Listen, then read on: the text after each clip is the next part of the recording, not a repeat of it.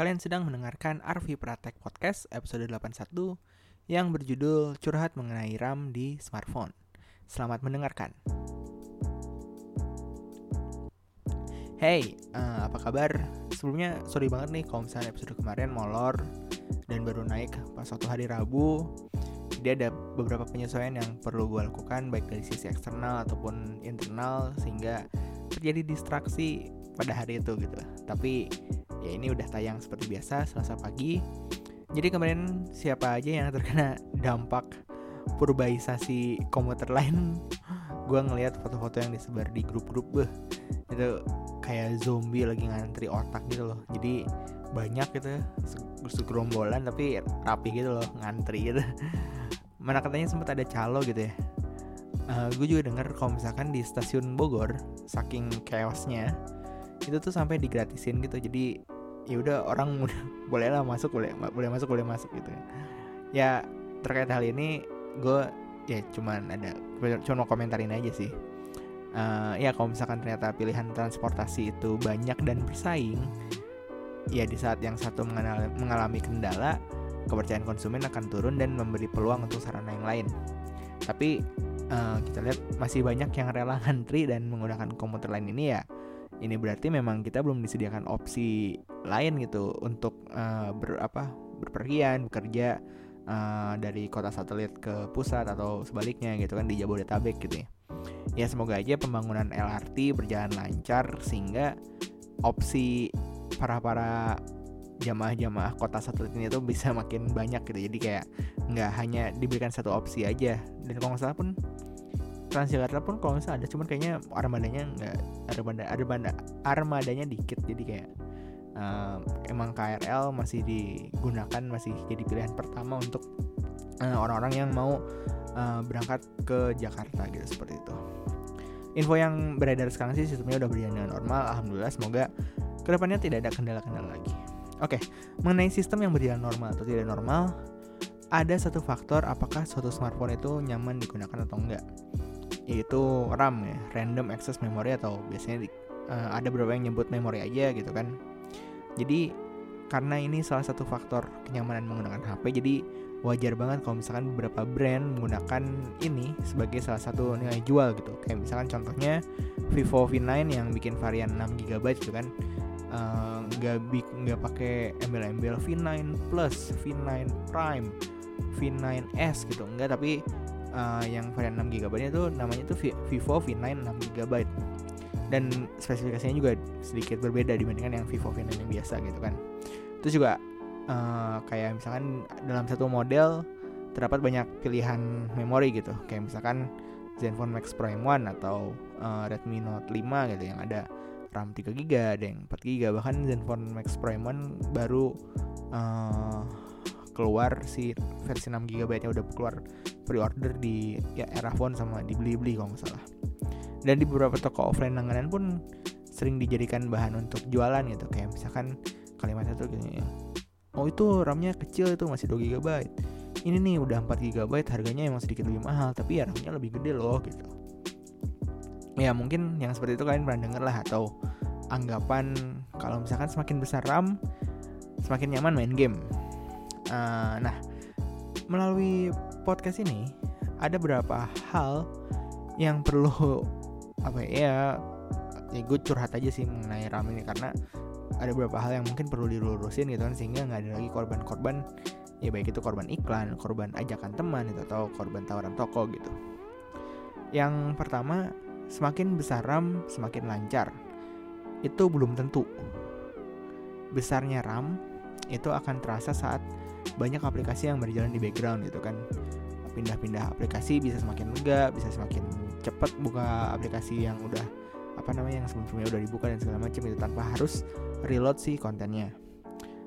Untuk proses buka aplikasinya itu tetap sistem sistem on chip atau prosesor yang bekerja gitu. Jadi si RAM itu cuman uh, dia nyimpen uh, beberapa ya ya nyimpen di memori si aplikasinya yang sebelum sebenarnya udah dibuka. Jadi pada saat kita buka aplikasi tersebut kita bisa melanjutkan terakhir uh, aktivitas yang dilakukan di aplikasi tersebut itu tanpa harus mulai ulang lagi dari splash screen atau dari awal gitu dari home dan segala macam nah proses ngebukanya tetap dipengaruhin sama si prosesor gitu kan. Kalau misalnya prosesornya lemot ya buka aplikasinya tetap juga lemot gitu.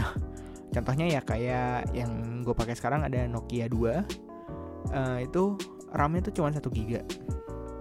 Tapi pindah-pindah dua atau tiga aplikasi atau 2 sampai 4 lah kira-kira. Atau aplikasi itu bisa tanpa reload konten walaupun buka aplikasinya lama karena prosesornya yang semenjana gitu.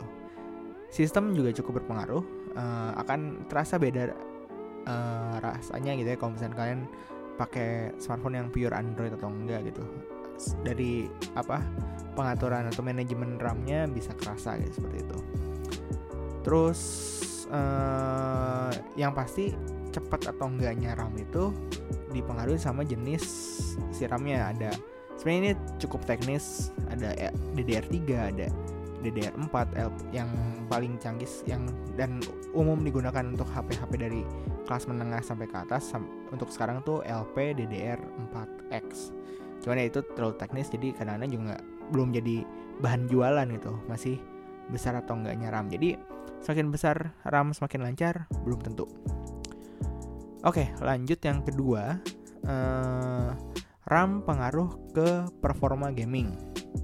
Oke, ini uh, gue setuju tapi ini sedikit nggak apa fak, eh, pengaruh fak, faktor uh, pengaruh siram dalam performa gaming itu ada tapi nggak nggak nggak signifikan banget. Kayak misalkan di PC gitu kan kalau misalnya kalian uh, ada yang namanya integrated GPU atau uh, graphics yang ada di pengolah grafis yang ada di prosesornya gitu kan. Kan pengolah grafis di smartphone juga kan masuk ke sistem on chipnya, prosesornya. Nah, pengolah grafis di mobile itu butuh beberapa memori untuk menyimpan proses rendering si game. Jadi, memori ini ngambil uh, beberapa dari RAM yang disediakan. Jadi, kalau misalkan kalian beli HP, jangan heran kalau misalkan di beberapa HP ada yang kelewat jujur gitu. Jadi, misalkan uh, secara spesifikasi dia RAM-nya 4 GB tapi pas waktu dicek di sistem yang bisa digunakan cuma 3,5 GB itu berarti 500 MB nya dialokasikan untuk uh, keperluan si sistem on chipnya let's say di sini adalah pengolah grafis. Jadi uh, seperti itu. Jadi bukan berarti HP yang kalian beli KW itu bukan. Uh, semakin besar RAM alokasi memori untuk grafis juga semakin lebih semakin luas gitu. Kayak contohnya uh, yang gue inget ya dulu gue pakai Mi E1 uh, RAM 4 GB mungkin sekitar uh, eh, 300 atau berapa ya 300 MB 400 sampai 300 MB kepake buat uh, shared memory memori untuk GPU-nya terus dulu sempat pakai Xperia J dia RAM-nya 256 256 MB kecil banget ya dan itu sekitar pokoknya yang bisa digunain tuh sekitar 168 sisanya masuk ke shared memory. Jadi uh, kalau misalnya dibandingin tadi 400 sama berapa tuh? 190 I think. Ya 490 itu cukup gede. Jadi itu ya mungkin berpengaruh ke gaming. Tapi ya zaman sekarang sih sebenarnya nggak nggak ya rata-rata kan RAM udah di 3 GB per GB itu kan. Jadi ya sebenarnya pengaruh cuman dikit lebih berpengaruh ke jenis prosesornya prosesornya menggunakan GPU-nya apa GPU-nya kenceng atau enggak itu lebih uh, apa namanya hmm, kerasa perbedaannya saat uh, gaming gitu seperti itu oke okay. yang ketiga uh, free RAM harus sebanyak mungkin ada istilah ini sebenarnya uh, free RAM is wasted RAM uh, apa namanya RAM yang bebas RAM yang sisa itu RAM yang nyampah gitu. Jadi uh, maksud dari istilah itu ya uh, RAM itu memang harus diisi harus harus dipenuhin gitu harus digunakan gitu. Jangan sampai uh, apa udah saya udah beli smartphone dengan RAM 4 GB tapi uh, alokasi penggunaannya ternyata cuma 2 GB itu berarti entah si sistemnya punya manajemen RAM yang buruk atau ya kita nggak pernah menggunakan si smartphone itu. Uh, kenapa gue bilang bisa setuju dengan hal ini? Karena uh, ya gue misalnya berapa apa apa ya? Waktu di Mi E1 itu sering banget misalnya sisa RAM berapa? Cuman 200 MB 300 MB terus juga sekarang pakai Zenfone 5 sempet sampai penggunaan memorinya sampai 99% gitu apakah kerasa lemot enggak dan kebetulan uh, pas waktu itu emang lagi penggunaan intensif itu kayak Maps jalan, Spotify jalan, terus sambil di dokumen juga dan segala macam gitu. Belum media sosial dan chat yang jalan di background segala macam lah. Dan yang gue rasain ya pas waktu gue pindah-pindah aplikasi ya lancar-lancar aja gitu, nggak ada masalah gitu. Terus kalau misalkan full kayak gitu, gimana pada saat kita buka aplikasi lain, contohnya game. Ya ntar si sistem akan nyediain memori yang uh, di ya maksudnya ngasih memori yang cukup untuk si aplikasi atau game tersebut dengan matiin aplikasi yang emang udah nggak dibuka lagi sebelum-sebelumnya gitu yang ya pada waktu tertentu gitu kayak misalkan uh, wah ini di RAM masih ada uh, apa namanya penggunaan misalkan contoh file explorer atau misalkan contoh uh, audio recorder dan segala macam gitu kan terus tapi udah misalnya udah nggak dibuka lagi sampai 6 jam nih udah itu di, dimatiin si RAM-nya emang disediakan untuk aplikasi yang lain atau game gitu kayak gitu. Nah, karena uh, apa ya? Dan ini salah satu ini juga sih yang apa miskonsepsi lah ya. Yo, ibarat bahasanya. Kalau misalkan kalian ketahui, kalau misalnya aplikasi semacam memory cleaner gitu ya, yang banyak di Play Store, entah namanya DU, entah namanya apa memory booster entah namanya apa uh, aku memori atau apalah segala macam itu uh, bisa dipastikan itu nggak terlalu berdampak loh. Makanya rata-rata yang memori memori cleaner itu tuh dia uh, sepaket sama storage cleaner itu kalau storage cleaner itu lumayan uh, ngebersihin sampah-sampah file-file yang nyangkut file-file yang emang udah nggak pernah kebuka lagi. Jadi ruangan ruang untuk diinstal aplikasi ruang untuk naruh lagu dan segala macam bisa lebih lega. Itu emang berguna. Terus misalnya kadang-kadang ada juga yang nambah-nambahin apa antivirus lah segala macam. Biasanya sepaket gitu kan. Dan di sepaket itu biasanya ada memory cleaner dan memory cleaner itu nggak nggak terlalu berdampak gitu.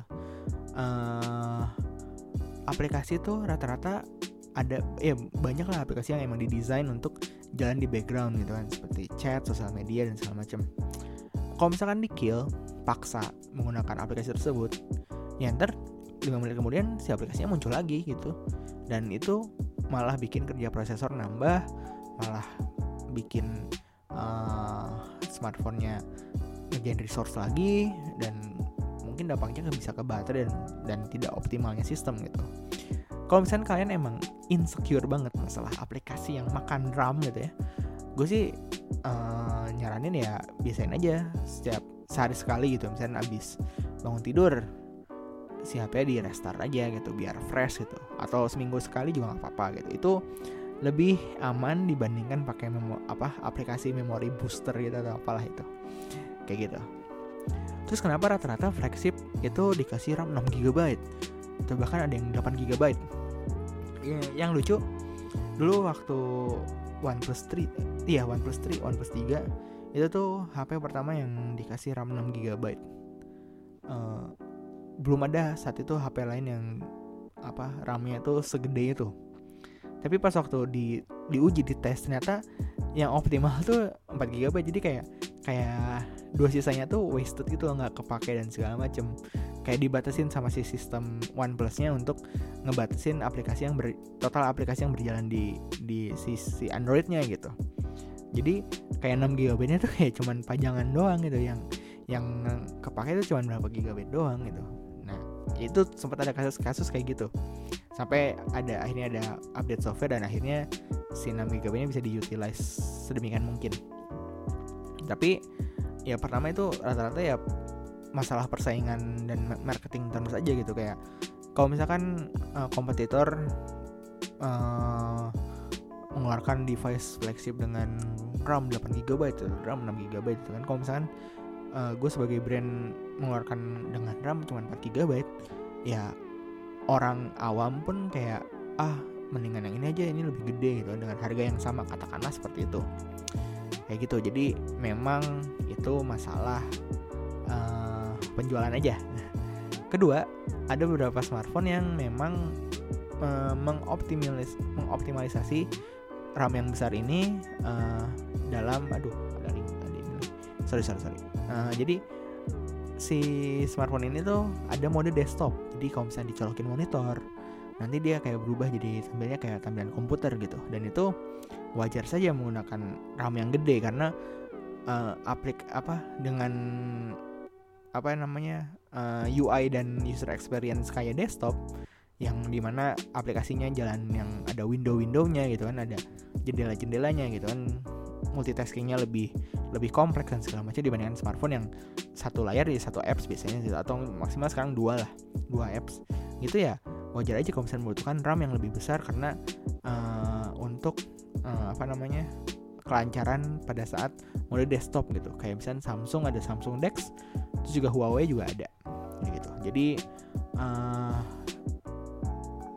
bisa mengoptimalisasi RAM yang besar tersebut itu kan. Sebagai perbandingan aja smartphone dari Google Pixel Pixel 2 XL Pixel 2 itu tuh opsi yang disediakan cuma 4 GB itu kan. Bukan berarti itu jelek atau misalkan Google pelit gitu kan.